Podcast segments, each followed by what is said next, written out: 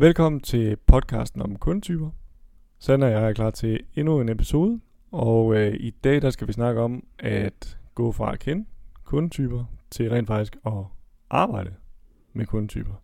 For vi har jo millioner af lyttere på podcasten. Endnu flere har læst lommebogen. Mm. Ej, spøj til side. Rigtig mange kender jo til metoden, heldigvis. Ja. Øh, og flere kommer til dag for dag. Men så vi skal jo ligesom prøve at tage det videre herfra, og så, øh, og så ligesom så prøve at arbejde med det. For en ting er at vide noget, noget andet er at, at arbejde med det i dagligdagen. Ja, der er jo et stykke vej. Der er et stykke vej, og den vej, den prøver vi ligesom at, at ligge nu, så det bliver en lille smule mere håndgribeligt øh, for mm. folk at, at give sig i kast med det. Men øh, lad os sige, at jeg, jeg øh, har en virksomhed, og jeg godt vil... Øh, jeg synes kundetyper det lyder spændende, jeg har lyttet til jeres podcast osv. osv. Nu vil jeg faktisk gerne prøve at tage det et spadestik dybere og rent faktisk prøve at arbejde med det. Mm. Hvor starter vi henne i forhold til at arbejde med kundetyper? Jamen, de fleste starter med at få en kundetype rådgivning. Altså, hvor man får valgt, hvilken kundetype virksomheden skal gå efter fremover. Og det behøver ikke være sådan noget stort for men det kan godt bare være nogle timer, hvor vi får valgt kundetypen. Når man så har valgt kundetypen, så er næste step, at man får undervisning omkring den kundetype, så man lærer den valgte kundetype rigtig godt at kende. Mm. Skridtet efter det, det er så der, hvor at det begynder at blive rigtig interessant, fordi det er der, hvor vi skal kombinere det, vi ved om kundetypen, og den virksomhed, der skal kommunikere til kundetypen. Så vi skal have kombineret kundetypen og brandet. Mm. Og i den kombination, der sker der noget nyt. Mm. Så det vil sige, hvis man nu har den blå kundetype, og man har et brand, så skal vi finde den blå kundetype for det brand. Altså, hvad er det emotionelle brand-DNA? Hvordan skal vi kommunikere blot til vores kunder? Og det er meget forskelligt, alt efter hvad det er for en koncept, hvilken branche det er i, hvilken målgruppe.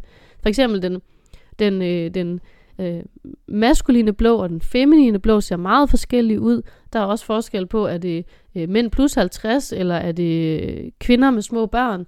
Der, er, øh, der kan være forskelle i brandet. Det kan være alt efter, hvilket produkt det er, hvad der hvad er kutumen i branchen. Øh, hvad er vi specielt gode til internt. Der kan være rigtig mange ting, der gør, at, øh, at brandet og kundetypen, øh, at der i det opstår en rigtig interessant brand-DNA. Og det er jo den der er interessant at kigge på, og det er den, vi egentlig skal ind og finde og arbejde med. Mm. Så det er jo ikke sådan, at du bare kan tage øh, retningslinjer for en blå kundetype, og så gøre præcis det for en virksomhed. Du er nødt til at kombinere de to ting. Ja. Og det er jo der, der sker noget rigtig interessant, hvor man har enormt meget viden om den virksomhed, man sidder med. Man har ved, hvordan er kunderne, hvad er det for et brand, vi har, og kombinere det med kundetyper, så der opstår noget nyt. Det er, det er der, der, der virkelig sker noget, øh, noget vigtigt ja. for brandet. Vi har snakket om, på et mm. tidligere tidspunkt, har vi lavet en hel episode om det at vælge kundetypen. Så mm. der, der har vi snakket lidt om, hvordan den proces fungerer der. Men det du siger der, det er så, at, at det ikke nok bare at vælge og sige, I henvender jer til den blå kundetype. Altså det er jo et vigtigt første step. Mm. Øh, og det, det er jo det første, man skal gøre. Mm. Men derefter så, ja, så er det nødvendigt at få undervisning om typen. For der er jo nogle helt specifikke karakteristika for de forskellige typer. Ja.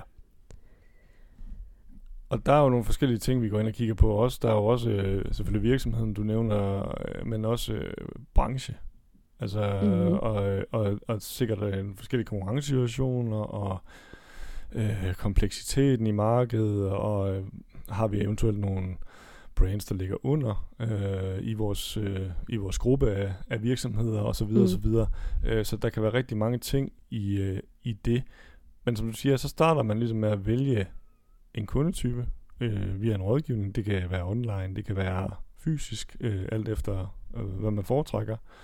Og så er det ligesom den der undervisning går i gang. Og hvordan, mm. hvordan fungerer undervisningen sådan rent lavpraktisk? Jamen, det kommer lidt an på, hvem man er. Men vi har nogle optaget grundkurser, som man kan købe, og så har man altid adgang til dem. Så har vi nogle åbne kurser, man kan komme til, hvor man kommer på sådan en live online dag omkring kundetypen.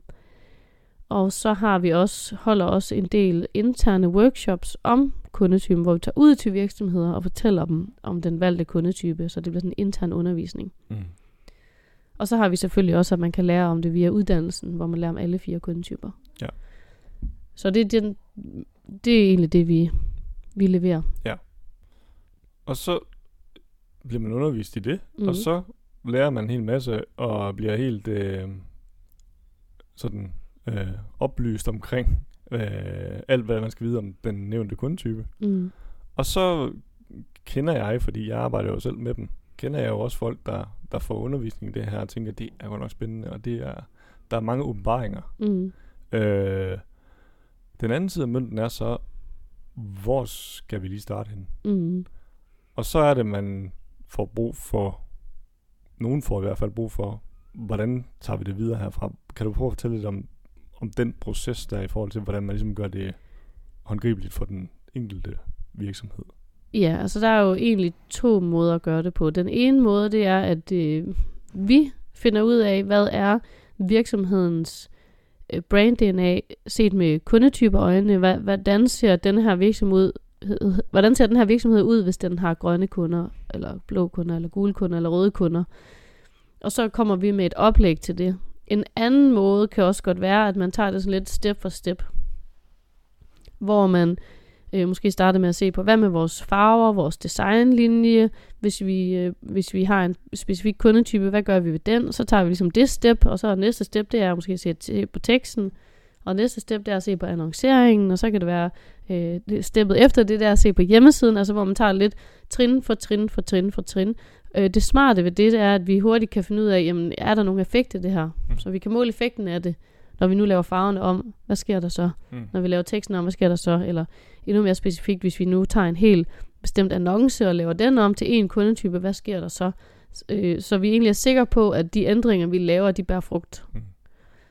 Øh, det er også en, en, en måde at gøre det, hvor man sådan løbende får implementeret det og ser, om det virker. Mm. Og der er vi mere inde som nogle rådgivere, altså hvor vi rådgiver undervejs omkring, hvad de nu skal. Og det kan jo være et, et længere forløb. Ja. Øh, Og jeg, jeg tror også, at bare lige ved at nævne, at øh, hvis man er i gang som virksomhed, og ellers har en god, sund virksomhed, så er man i gang med kundetyper ubevidst. ja, det er bare præcis. for at sige, at, at man starter altså ikke fra nul, øh, og skal lave alting om, som Ja. du selv siger med en streg i sandet, ikke?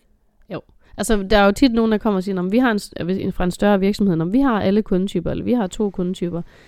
Nej, det har I ikke. I har én kundetype. Mm. Ellers ville I ikke være her. Nej. I har en kundetype, og I har én kundetype. Det kan godt være, at I har nogle produktgrupper, der, der er lidt over i de andre kundetyper, men der er én kerne. Ja. Og det er jo den, vi skal finde frem til, så man bliver bevidst kompetent. Mm. Vi ved, at vi henvender os til den grønne kundetype. Så nu er vi opmærksom på, når vi går ud i de andre typer i nogle produkter.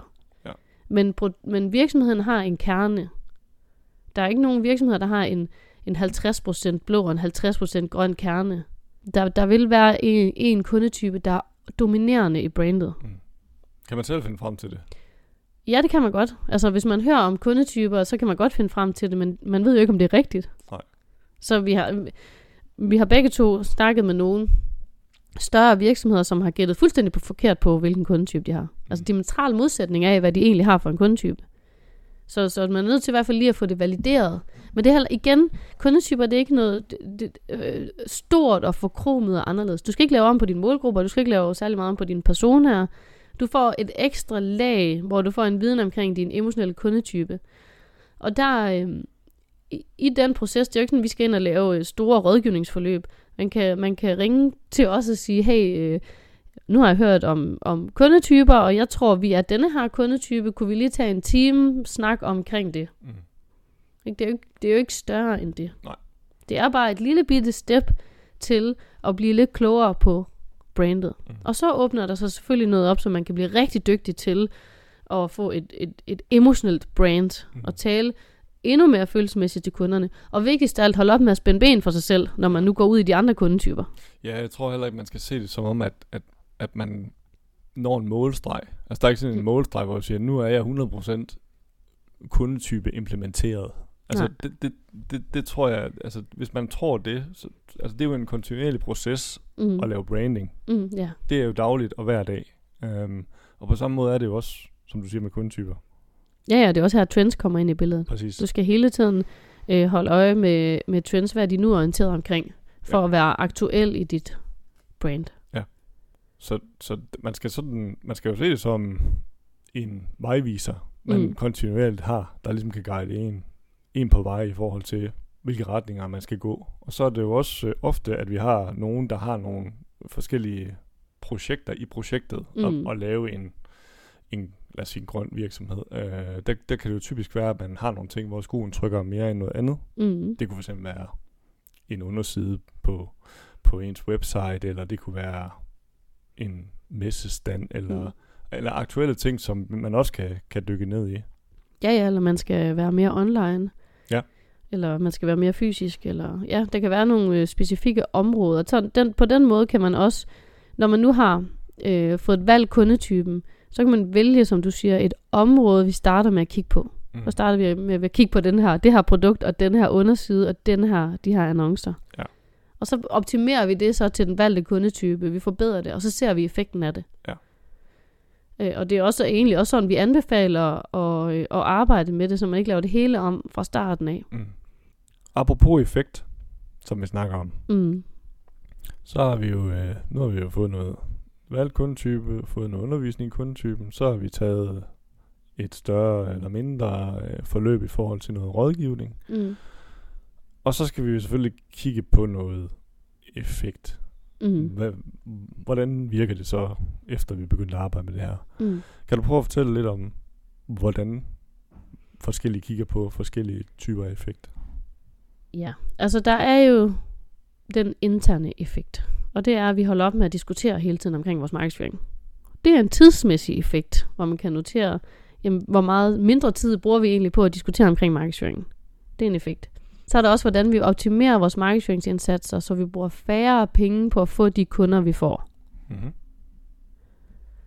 Og det er jo ved at lave øh, annoncering, der er mere effektiv. Mm. Lave nogle landingssider, hvor folk de hurtigere tager en beslutning om at kontakte os. En Mm. call to action.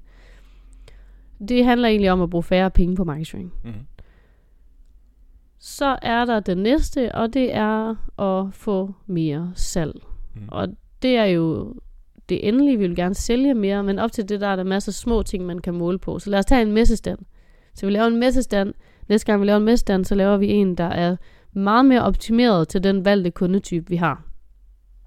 Og så noterer vi, hvor mange var hen og besøge, hvor mange skrev sig op til nyhedsbrevet, hvor mange øh, bookede en kaffesamtale, og øh, hvor mange af dem øh, blev så kunder senere, altså hvor man egentlig laver en klassisk effektmåling.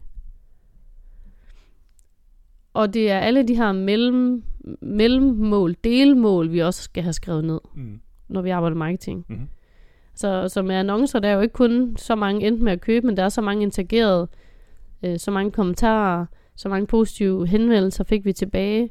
Og selvfølgelig også med fokus på salg. Men det er vigtigt at have, og, sk- øh, ligesom at lave, helt lavpraktisk lave et Excel-ark med, med delmål, Mm. så vi kan hele tiden holde øje med, virker det her med kundetyper.